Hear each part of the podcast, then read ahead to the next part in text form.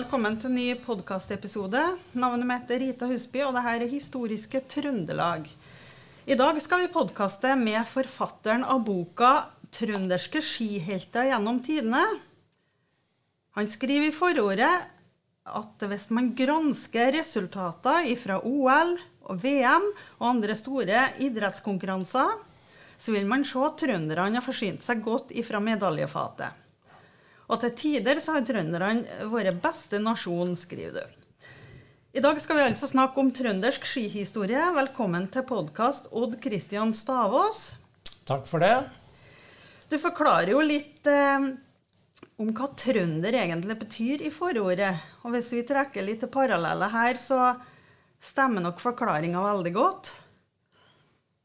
Ja, eh, men kanskje er det litt skryt òg, og det der, da. vet du. Vi må, vi må tørre å skryte eh, litt. Men, men, vi har Snorre som kilde, da. Ja. For han sier jo at uh, trønder, det betyr å, å vokse, og de sterke. Ja. Uh, de er sterke i stri, urokkelig og tapt aldri i strid, sier han om, uh, om trønderne. Så det er jo et godt utgangspunkt for å gjøre det godt i idrett òg. men ja, vi har ikke alltid vunnet, for å si det sånn, så kanskje er det litt skryt i det. jeg har jo skaffa meg boka, men jeg har jo ikke rukket å lese hele boka i forkant her nå. Men det er en veldig innholdsrik bok, um, og det viser seg at det har gått veldig i dybden her. Um, boka heter jo 'Trønderske skihelter gjennom tidene', og det er fakta og fortellinger. Vi skal vel egentlig konsentrere oss om skihistorien her nå, da. Eh, men skihistorien sett i historisk sammenheng eh, Vi har jo sett helleristninger med folk som går på ski. Og hvor langt tilbake kan vi si at eh, vi vet at folk gikk på ski? Ja, Hvis vi tar uh, Norge og, og, for så vidt våre naboland ja. først, uh, så er det funnet helleristninger, som du sier. Og det er funnet, uh, funnet, funnet myr som viser at ski har vært brukt i, i denne delen av Europa i mer enn 4000 år. Ja. Men antagelig så er det nok enda gamlere. Det er historikere som mener at uh, man i hvert fall kan gå 6000 år tilbake i tid. Og, og, da snakker vi om at det ble brukt ski i ja, nord i Kina og i Nepal. Uh, da er det jo litt artig å tenke på selvfølgelig at vi driver og sender trenere til Kina for å lære dem å gå på ski i dag. Men kanskje var det slik at skia kom derifra opprinnelig. Ja. Eh, for 6000 år siden også bevega det seg vestover. Eh, og så er det nok rimelig klart at de som brakte skia til Norge, mm. det var samene. Eh, og, og Fridtjof Nansen var jo en av de som skrev om det. For i boka 'På ski over Grønland' så skriver han at i Norge har lapperne først innført skiene. Mm. Eh, så det var, det var, nok samene som kom ja. til, til, Norge med ski. Ja. Og så har vi vel Vi må trekke inn vikingene her. I Håkon Håkonsens saga så står det jo litt om at birkebeinerne kom jo på ski over fjellene fra Østerdalen. Det var vel i 1206? Ja da. De, eh, de eh, var gode skiløpere, og, og de si, brakte jo Kongsønn over fra Lillehammer-trakten til Østerdalen. Det var to skiløpere som het Torsten Skjelva og Skjervald Skrukke, som da hadde med seg Kongsønn over fjellet og skulle berge han til, til Nidaros. Mm. Eh, men det var jo, det var jo eh, vikinger før det som var kjent som gode skiløpere. Ola. Tryggvason f.eks. var jo kjent for å være en veldig god skiløper. Eh, men kanskje den største av alle, det var Arnlot Gelline. Ja. Jemten Arnlot Gelline, som kjempa på Stiklestad i 1030. Mm. Eh, og det har jo Bjørnstjerne Bjørnson skrevet ja. dikt om. Mm. 'Går det ikke rykende, går det ikke fykende'. Så uh, det var mange store vikinger. Ja. Eh, alle historiene er kanskje ikke like sann, men at de, de brukte mye ski, og at de underholdt hverandre på ski, det er det neppe noe særlig tvil om. Så brukte de det som et framkomstmiddel? da? Ja, det gjorde de. Mm. perioden før idretten ble organisert, hvordan eh, drev de skiidretten da? Ja, altså Ski var jo, som du sa i sted, et fremkomstmiddel. Mm. men, men, men, så var det jo brukt av militære avdelinger eh, også. For vi, eh, vi, vet jo at det var militære skiløperavdelinger på, ja, tidlig på 1700-tallet. Da hadde vi jo i Trøndelag to sånne avdelinger. Vi hadde som heter Overhalla Snåsenske eh, skiløperkompani. Og så hadde vi Holtålske skiløperkompani. Eh, så de, de var godt utrusta og brukt ski eh, aktivt. Og da hadde de gjerne ei langski som de glei på, og så hadde de ei kort ski med felle som de sparka eh, fra med. Eh, og, og, og, de drev nok litt med konkurranser sånn innimellom eh, også. Så, så, smått begynte nok kom konkurranser da. Men, men, men, det var ikke satt i noe system. Det var ikke noe alvor eh, sånn sett. Nei. Det var nok mer for uh, underholdning, vil jeg tro. Mm. Ja. Og der var på 1700-tallet? Ja, det her var på 1700-tallet. Altså det var under den store nordiske krigen mellom 1700 og 1721 mm. så var det faste skiløperkompani i Norge. Jeg har, eh, jeg har jo jeg får jo saumfare historiebøker og gamle avisartikler for å finne i forskjellige til podkaster. Eh, og så fant jeg det at i 1862 så tok det trondhjemske våpenøvelsesforening altså opp arbeidet med ut uh, utbredelsen av skisporten som den gangen lå helt ned. Og de samla sammen ski eh, fra de fleste kantene av landet og holdt ei skiutstilling som det vakte veldig stor interesse. Mm. Og så står det det at kjøpmann Hans Bakke ble valgt som skiløperformann. Under hans ledelse ble det foretatt fjellturer i byens omegn. Ja. Disse turene gikk opp frem til 77 ca. Det var da de ble oppløst, kanskje. Ja, det kan godt hende. Men, men, det er veldig eh, viktig poeng du peker på når du sier våpenforening. Mm. fordi at det var jo ikke idrettslag på den uh, tida på vanlig måte. Men det var si, skytterlag eller våpenforening.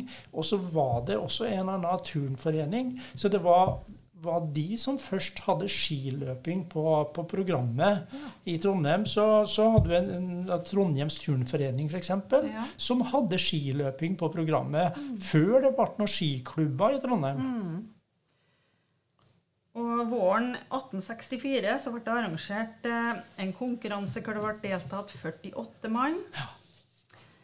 Og det sto at de skulle tilbakelegge 1000 alen lang løype på kortest mulig tid. Hvor langt er det? Ja, 1000 alen det, det, Jeg tør ikke å si nøyaktig hvor langt det er, men, men, det er vel det vi kaller en sprint i dag, for å si det ja, ja. sånn. Og Førstepremien ble vunnet av selebyggen Nils Aune. Ja. Og det skal her skal visstnok ha vært det første skikonkurransen her nordenfjells. Ja, det kan nok eh, stemme. Men det var da det begynte, på en måte. Ja. Eh, da begynte det å komme et annet, en eller annen konkurranse. Ja. Ikke noe satt ordentlig i system. Men så kom det jo etter hvert idrettslag som spesialiserte seg på, eh, på skiløping. Ikke, ikke, turnforening, ikke våpenforening.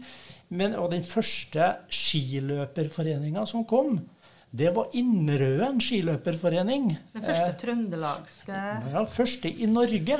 Oh, ja, såpass, ja. Det var Innrøen skiløperforening, og den kom i 1863. Jaha. Og ennå var det jo ikke noe sånt i, i, i Trondheim, f.eks. De første som kom i Trondheim, eh, det var Trondheims ski, skiløperforening, og den kom i 1877. Eh, og den fikk et ganske kort liv, fordi at det var litt sånn interne stridigheter eh, der. Og så kom det i stedet en, en, en skiklubb som fikk eh, ganske stor betydning, og det var Trondheims skiklubb som ble stifta i 1884. Okay. Og da ble den Trondheim skiløperforening avvikla. Ja, og det var i den perioden her at det begynte å komme idrettslag, at man begynte å konkurrere ordentlig på, eh, på ski. Mm. Og, og, jeg kan jo nevne at uh, i Oslo, eller Kristiania som det het på, på, på den uh, tida, mm. så fikk man jo på den tida da uh, Husebyrennet. Ja. som senere ble Holmenkollrennet. Ja.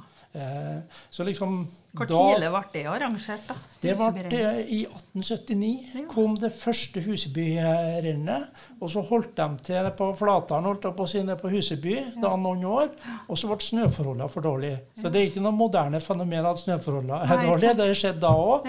Og så måtte de flytte oppover i Holmenkollen og, og det som er Besserudtjernet, og der hoppbakken og det ligger i dag. Eh, og siden så har Holmenkollrennet vært arrangert oppi ikke der. sant? Ja.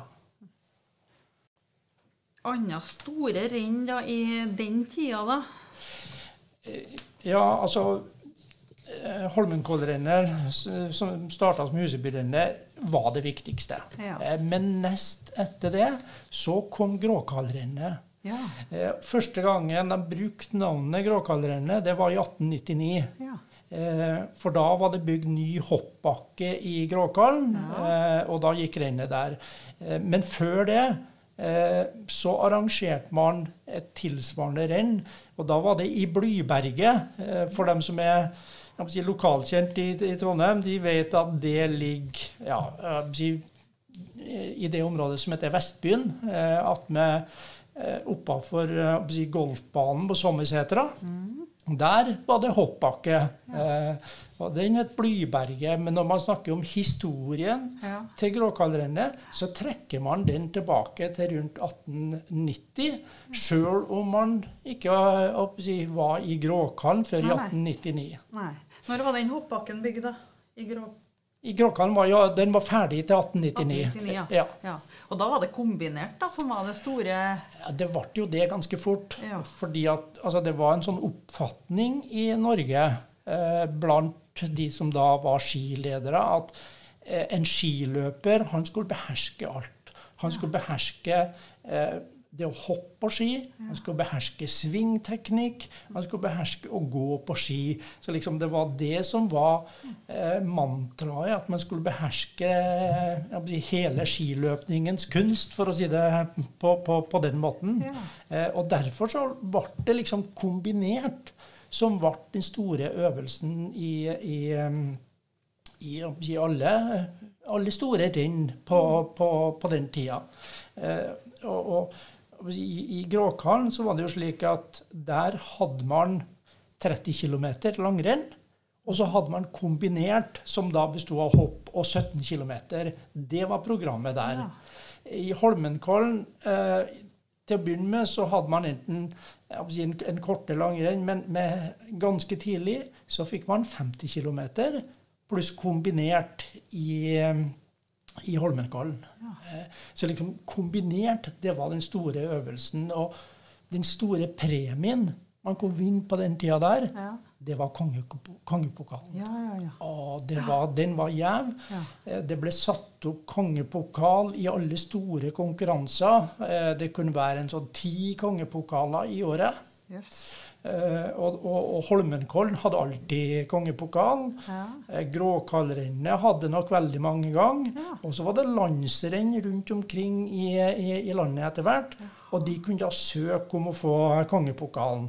Eh, og kongepokalen den ble alltid utdelt i kombinert. Oh, ja. ja. Aldri i langrenn eller, eller hopp, bare i kombinert. Og det varte faktisk helt frem til 1950-tallet, 1955. Først da begynte man å dele ut kongepokal i langrenn og hopp. Og det var ikke noe egen hoppkonkurranse eh, på den tida. Det var, eh, det var bare som en del av kombinert. Eh, og, og, og de, de som var best i hopp, de fikk damenes pokal, som det het, for beste hopper. Oh, ja. Ja, det var den de konkurrerte, konkurrerte om. ja. Men var det mye trøndere som utmerka seg der, da? Og kanskje fikk tak i en kongepokal eller to? Ja, det Ja. var det nok. Det var ganske mange av, av de som gjorde eh, det. Altså, Hvis vi tar, tar de tidligste eh, skiløperne, så var det jo en trønder som het Gustav By. Eh, Han var fra han? Han var fra Å, ja. Mm. Han var bybud. Nei, bankbud var han. Å ja. Ja. Og så gikk han under navnet Røveren. Og den ble kalt Røveren, ja, det vet jeg ikke. Jeg tror vel det var mer enn et kallenavn på at han var si, en artig kar. Mer det enn at han var så veldig røveraktig. Men eh, det er noe jeg tror. Ja. Eh, Men han var da eh, en veldig god skiløper. Og han vant bl.a. kongepokalen da i Blyberget i 1892. eh, I et renn som da var regna som, som gråkallrenn eh, i ettertida. Og da hoppa han vel fryktelig langt? Ja, han hoppa 30 meter. Ja. Og det syns vi kanskje ikke så langt i dag, når verdensrekorden er 253,5. Men eh, den gangen var det langt. Mm. Eh, og dem i Oslo de trodde ikke på det der. De trodde det var juks det at han Gustav By har hoppa 30 meter. Mm. Eh, så det ble avisskriveri i Aftenposten. Eh, den var ikke signert, men man trodde det var en som heter Fritz Huitfeldt, som var sentral i, i, i bl.a. å arrangere Holmenkollrennet på den tida, som da har skrevet inn et litt sånn sarkastisk innlegg om at uh, han hoppa 30 meter hjemme i sin fødeby når ingen andre kunne være til stede og, og, og se det. Eh, men eh, Men vi vet at det var mye tilskuere til ja stede da, vi vet jo det, så Ja. det var nok ikke noe juks eh, med det. Men, men de ville liksom ikke tro på det, da. Ja, det, det er jo litt av konkurransen mellom Oslo og Trondheim Ja, ja. om hegemoniet på den tida. det ja, der. Ja, ja. Vet du når den hoppbakken ble revet, eller? Nei, det vet jeg ikke. Nei. Han vil sto vel til en datt ned, tenker jeg. Det er vel sånn det gjerne Ja. er, så det tør ikke jeg å, å, å si. Nei. Nei. Ellers eh, var det vel andre òg som utmerka seg litt? Ja da, det, det var jo det. Altså, det var, det var flere gode skiløpere eh, i, i Trondheim på, de, på den tida, men kanskje jeg skal nevne én. Eh, ta et lite sidesprang først, fordi at ja, det var jo ikke noen vinterolympiader på den tida. Nei. Men sommerolympiaden har jo kommet i gang. Når kom den, ja? Ja, Den kom i 1896. Eh, og så eh, ble det det man kaller for jubileumsleka i 1906. Det var da ti år etter de første eh, olympiske leker. På vinterstida, i sant? Nei, på sommer. Oh, ja. På sommer. Ja. Så vi ville man ha jubileumsleker. Og det var jo et spesielt tidspunkt for, for Norge, det der, fordi at den invitasjonen, den kom jo da i 1905. Og da satt jo vi i si, forhandlinger, for å kalle det det, med Sverige om oppløsning av union. Så, så Norge ville jo ikke melde seg på engang på OL. Eh, Men så gikk det greit. Eh, Man frykta jo krig med Sverige, ikke sant? Og, men så gikk det jo greit. Og så eh, meldte man seg på likevel. Jaha. Og eh, blant annet så sendte man da en, eh, en gymnastikktropp. Eh, og den besto av 20 utøvere fra hele landet. Ja. Og i den troppen så var det fire trøndere. Oh, ja. Og det var en som heter Osvald Falk eh, og Christian Adolf Fjæringen fra Steinkjer. ja. Og så var det to brødre fra Trondheim, Torleif og Rasmus Pettersen. Og det gikk ikke bedre til enn at de vant gullmedalje de, i OL i Aten i 1906. Den troppen. ja. Eh, og det var jo gode idrettsutøvere, uten tvil. Men, men eh, når vi snakker om ski, så var det en Rasmus Pettersen som var den store. For han var da en veldig god hopper Ja. på den tida eh, der. Eh, og han, han vant jo Gråkallrennet. Eh, men så skjedde det at han og en annen god skiløper som heter Andreas Udby, og to til, de fikk en invitasjon om å komme til London. Oh, ja. Eh, og der skulle de opptre i noe som heter Hippodromen. Og det var da i et innendørs anlegg der de skulle eh, hoppe og ja, gjøre store stunt, holdt jeg på å si, nesten som en sånn fristilsutøver i, i vår tid. Og de fine fruene i London de holdt jo på å miste det de hadde av vett, holdt jeg på å si, de så det skiløperne drev med, med, med, med stunt inn, inn der. Det var som en underholdning? der, Det var ren underholdning. Ja, ja. Ja da, og de fikk godt betalt. Ja. Ja. Eh, og det skapte problemer etterpå. Fordi både han Rasmus Pettersen og Andreas Udby de ble da erklært for profesjonelle når de kom tilbake fra London. Ah. Og han, eh, Rasmus Pettersen han vant jo da eh, Gråkallrennet i, i 1910. Ja. Men han ble fratatt det eh, fordi at han ble erklært som, som profesjonell.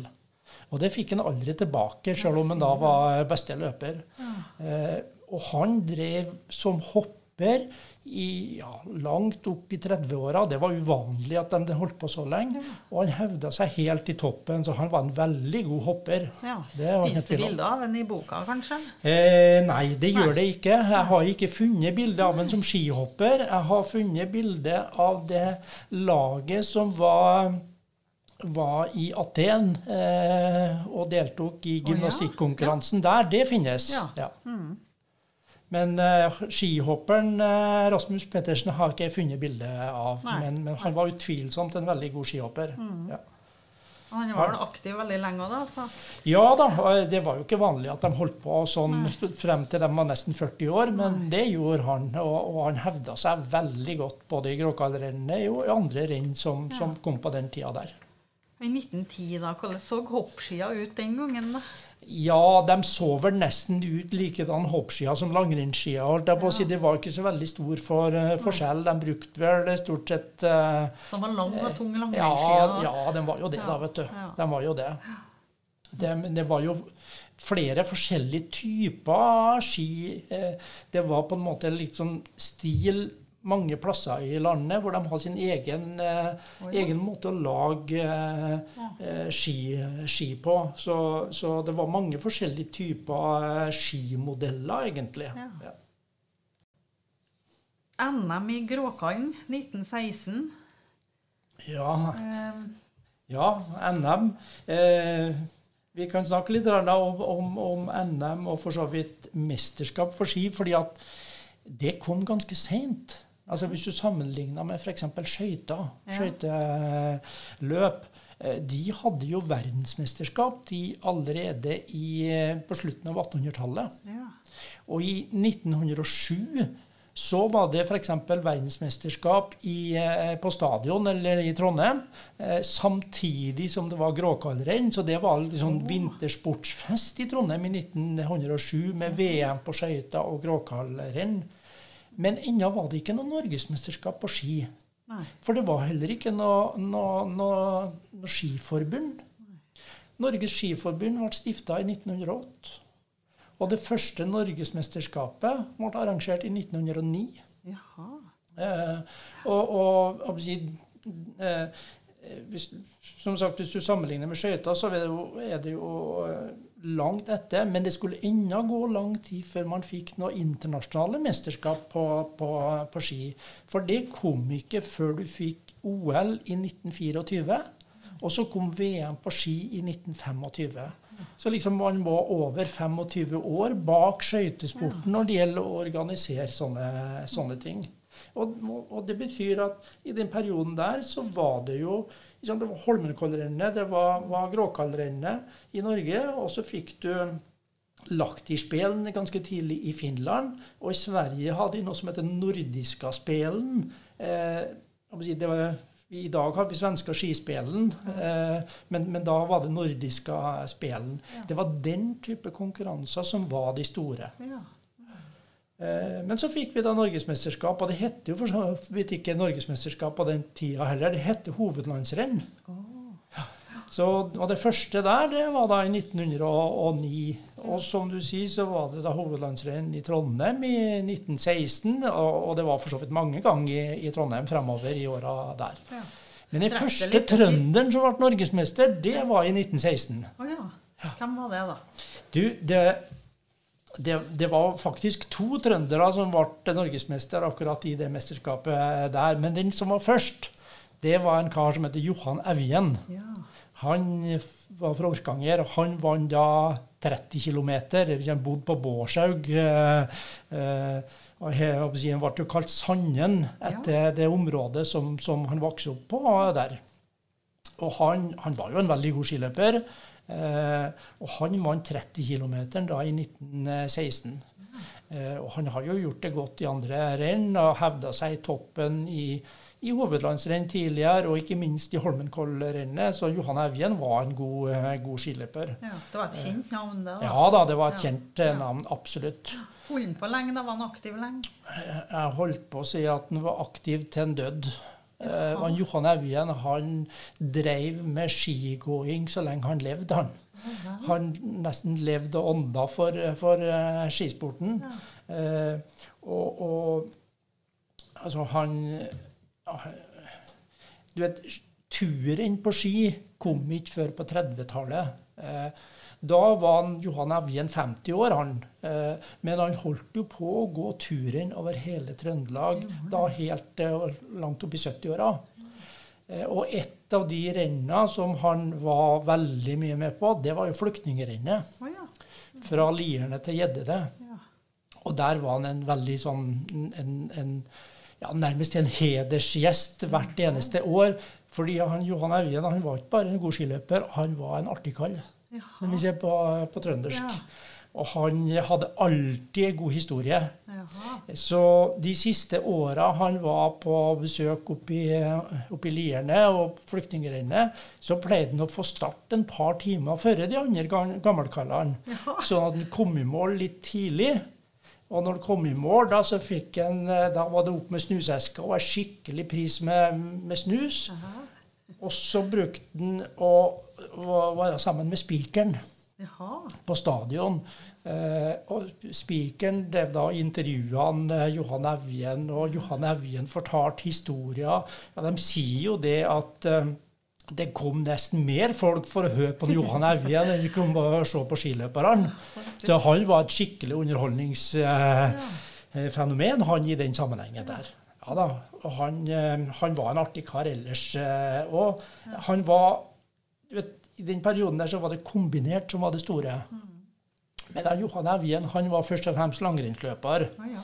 Så hoppdelen den gikk ikke så veldig bra. De sier at en gang så datt han tre ganger i samme hoppet. Han datt i tilløpet, og så datt han oppå hoppet, og så datt han i unnarennet. Eh, og det forteller nok litt om en Johan Evjen som hopper. ja. Men han klarte likevel å vinne en kongepokal i kombinert. Og det gjorde han i et renn som heter Trønderrennet i 1912. Og Trønderrennet det var, et, det var også et stort renn. Hvor gikk han det, da? ja, De gikk på forskjellige plasser, fordi at det var, jo, det var skikretsen i Sør-Trøndelag som på en måte arrangerte. Så gikk det på omgang. Det kunne være oppe i Rennebu et år, og så kunne det på Meddalen året etter, og Orkanger og Heimdal og litt rundt omkring. Ja. Så, eh, og der var det samme type program som i Gråkallen, at det var, det var en 30 km, og så var det kombinert. Ja. Og det I 1912 så klarte han Johan Evjen å vinne kombinert i Trønderrennet og fikk seg en kongepokal. Så det var ikke verst. Men så nevnte jeg jo at det var en annen som ble norgesmester i, i 1916 òg. Ja. Ja, og det, det var en kar som representerte Leinstrand idrettslag. Vi tror kanskje ikke at det var så mye skiløpere fra Leinstrand, Nei. men det var faktisk det.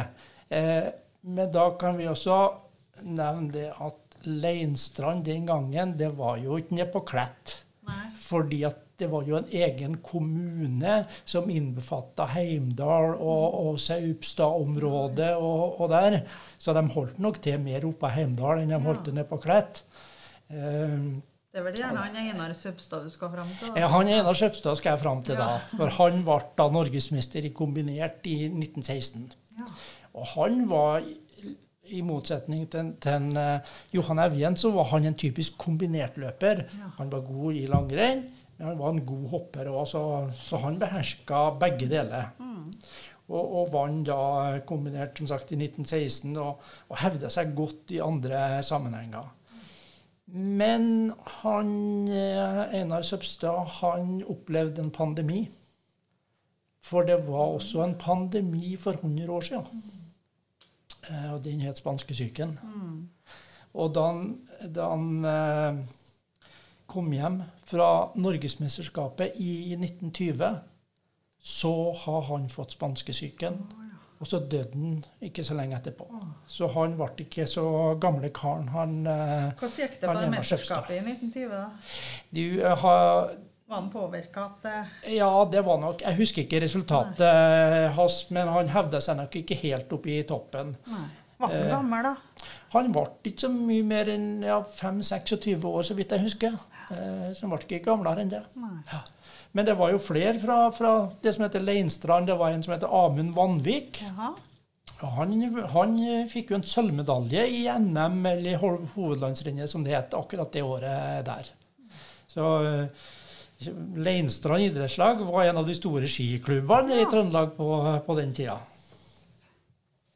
Um, vi snakker jo om skihistorie før 1940 her nå. Ja. Vi har, så langt så har vi snakka om skihistorie før det ble internasjonale mesterskap. ja. Ja. Eh, og, og, og det ble jo som sagt ikke det før i 1924. Da kom det OL. Men, men nå hadde du drevet og spurt meg, så kan jeg drive og spørre deg litt. Eh, si, Trønderne er jo kjent for å forsyne seg grovt når det gjelder mesterskap og, og sånt. Eh, tror du det ble mange norske eller trønderske OL-gull eh, i den perioden da før andre verdenskrig? Fra 25 og ut, da. Ja, 24 og Ja, til og med 36. For det var de, de vinter-OL-ene som var da. Ja. Ja. Nei, skal vi gjette fire, da? Ja, det Fire er jo ikke stort tall, men eh, det var ingen. Det var ingen, nei. Nei, nei. det var ikke det. Det var ikke en eneste trøndersk medalje i vinter-OL før krigen. Og det var knapt nok medaljer i VM. Vi hadde én som eh, ble verdensmester på ski. Eh, og da må vi inkludere Rindalen til Trøndelag for å, eh, for å finne eh, det. Eh, Rindalen var jo ikke en del av Trøndelag på den tida. Eh, De har blitt det i dag. De ble jo for lenge siden si, en del av Trøndelag når det gjelder ski. Men det var altså bare én trønder som ble verdensmester på ski før krigen. Jaha. Og det var en som heter Sigurd Røen. Og så var det to andre som fikk medalje. Det var en som heter Olav Kjellebotn eh, og, og, og Magnar Fosshede. Ja. Tre stykker som fikk da medalje i internasjonale mesterskap. Eh, Så det var ikke så veldig bra med trøndersk eh, skisport i den Nei. perioden. Men var, var det at det ikke var så gærent mange som var aktive, da? Var det det? Rekrutteringa var dårlig, eller kan du skylde på det? Ja, kanskje kan vi eh, det. Eh, Jeg vet ikke hva som eh, egentlig var grunnen, men, men eh, det er mulig at eh, skisporten i den perioden var bedre organisert på Østlandet, fordi at Norge hevda seg jo godt. Men det var stort sett folk på Østlandet som, eh, som gjorde det da. Og så endra jo det her seg etter krigen, men det kan vi jo komme tilbake til. Men, men vi må nevne litt om de der karene som da fikk medalje. Og den første det var som sagt en som heter Olav Kjellbotn. ja. Han var namdaling. Kom fra Ytternamdalen. Eh, og han burde jo ha vært i OL allerede i 24, han Olav Kjellbotn. Men de visste nok ikke hvem han var. Eh, men etter at OL, og det, det var jo et OL som var enormt suksessrik for, en- for Norge. Torleif Haug vant jo tre gull i, eh, i eh, OL i Chamonix i 1924. Og, og Tullin Tams vant eh, hopprennet og, og én gull, da. Eh, så det var jo var Norge som dominerte lekene.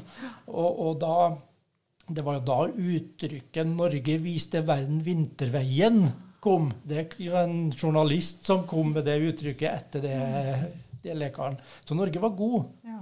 Men de som tok ut laget, de visste nok knapt nok hvem Olav Kjellbotn var. Nei. Men han Olav Kjellbotn han skulle få være med på NM etter OL. For NM det året det skulle da foregå på Voss. ja. Det er langt fra Ytternamdalen til Voss. ja. Ja. Og han Olav Kjellbotn han måtte jo da ro et godt stykke først. Og så måtte han ta på seg skia og så måtte han gå over fjellet til Namsos. Eh, og der skulle han overnatte til søster som da eh, bodde der. Dagen etter så var det å spenne på seg skia, og så var det å gå mellom sju og åtte mil til Steinkjer. Og så hadde han togbillett derifra eh, til Oslo og videre til Voss. Skulle mest tro at han var litt utslitt. Ja, skulle mest tro det. Men, men, han var ikke det. For den, det var jo tremila han, eh, han satsa på. Han var òg typisk langrennsløper og ikke så god i, i kombinert, men på tremila så gikk en Olav Kjellbotn hen og vant, han. Norsk mester. Og nestemann på lista han var da fem minutter bak en Olav Kjellbotn på tremil. Det var, og det var altså løpere som da har vært i OL og hevda seg godt. Så eh, han Olav Kjellbotn han viste eh, hvem som var best eh, den dagen. Eh, og så hadde han jo ikke penger til å reise tilbake, for han hadde jo ikke fått billett begge veien. Så, men ettersom han da har vunnet, så fikk han telegrafert penger til, til Voss, sånn at han kunne ta toget tilbake til Steinkjer, og så gå på ski eh, til, til, til Namsos og videre hjem. da. Og da hadde jo ikke noe støtteapparat rundt deg eller noe. Fantes ikke noe sånt. nei. Fantes ikke noe sånt. Nei da. Så det var nok det å ta ryggsekken og ferde av på egen hånd. Ja. Men eh, han, det var jo ikke eneste gangen at Olav Kjellbotn gjorde det godt på ski det der. For han, eh, han I 26, da var det jo eh, VM i, i Lahti. Eh, og da tok en Olav Kjellbotn bronse på 50 km. Eh, og samme året så eh, vant han 50 km i Holmenkollen. Og da var han den første som vant femmila der på under fire timer. Han gikk på 3 timer og 45 minutter eh, på, på den femmila eh, der. Så da ble det, ble det femmilsseier eh, i, i Holmenkollen. Og så var han jo da på OL-laget i 1928. Eh, og da var det jo i St. Moritz at det skulle være eh, OL. Og han var nok en av de store favorittene. Men den dagen at femmila skulle gå, så var det Det var kuldegrader fra, fra morgenen av. Men så ble det veldig mildt utover dagen. Eh, man er vel ikke helt enig om hvor mange grader det ble, men, men man mener at det steg helt opp til 20 grader. Og han, eh, Olav Kjellbotn han har da smurt, smurt med tørrvoks. Og det holdt jo ikke lenge når eh, gradene begynte å stige. Og han hadde ikke med seg noe smorning. Eh, og lederne sto jeg si, inn med, med mål, så han fikk ikke noe smorning til å smøre om underveis heller. Eh, men han gikk nå i mål og kom på fjerdeplass. Ja. Tre svensker som kom foran en. For svenskene har tydeligvis studert værmeldinga litt bedre. De var smurt med klister og, og hadde bra, bra ski. Så det var en som heter Per Erik Hedlund, som da ble olympisk mester på, på femmila. Ja. Så fjerdeplass det var nok et sterkt løp, det av en Ja, ja. Olav Kjellbotn med de forholda der. Ja. Eh, så han var en kjempegod skiløper, men, men han var ikke med noe særlig lenger enn det der. Da ga han seg med skiløping, og så var han litt sånn på polarekspedisjoner og litt forskjellig eh, sånn. Så det var på en måte skiløperkarrieren hans eh, det der de Ja. åra frem til og med 28. Ja, var han gammel da? Han? Eh, Han nøyaktig hvor gammel han var, det husker ikke jeg, men han var vel knapt Jeg vil tippe at han var 27 år ja. der omkring. Ja. Ja. Så eh, da ble det slutt på det. Ja. Men så må vi snakke om han som ble verdensmester. Ja. Som sagt en rindhaling. ja. Ehm, og han ble verdensmester i kombinert i 1937. ja. Da var det VM i, eh, i Chamonix i Frankrike. Og, og eh, Hva var navnet hans igjen? Sigurd Røen. Ja, var. Ja. Mm. Han, eh, han var god både i hopping og i, i langrenn. Eh, så han vant et helt suverent kombinert-gull i, i 37. Og han gikk så godt i langrennet at han ble også tatt ut på det norske stafettlaget i langrenn. Oh, ja.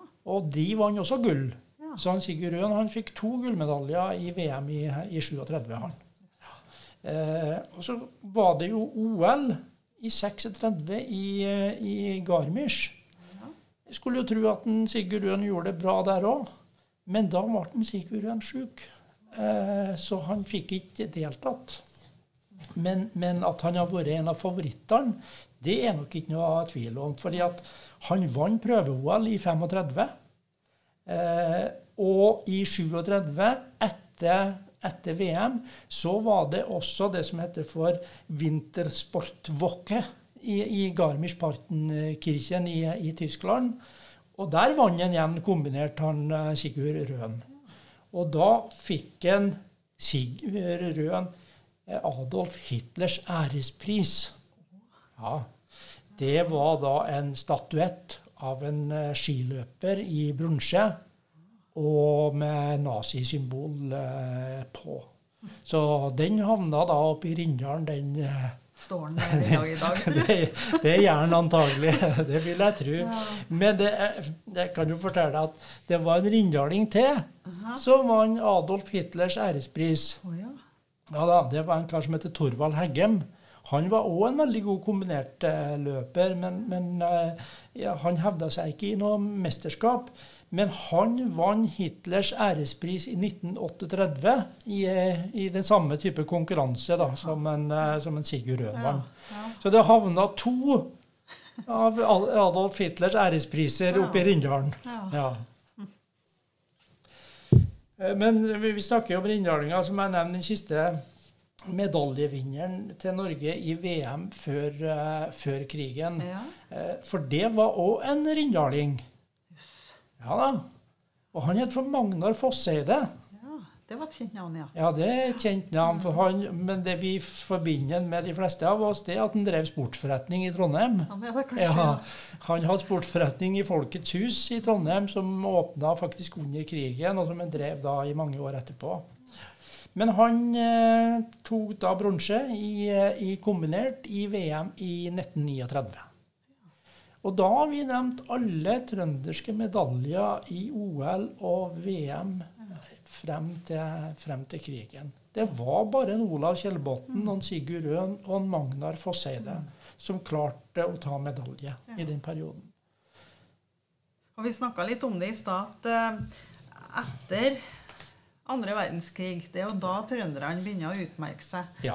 Og det skal vi kanskje ta en podkast på etter hvert. Ja, det syns jeg vi må gjøre, ja. for da er det så mange gode trøndere ja, å eh, snakke om. Og da kan vi snakke om både kombinertløpere og langrennsløpere og hoppere og skiskyttere og alpinister og Ja, det er ikke måte på hva vi kan snakke om eh, da. Mm. Så nå har vi på en måte vært innom historien frem til andre verdenskrig. Mm. Eh, men rett etter krigen så slo trønderne til. Ja. Da anbefaler vi å kjøpe boka 'Trønderske skihelter gjennom tidene'. Odd Kristian Stavås, tusen takk for at du stilte opp som gjest i podkasten. Sjøl takk.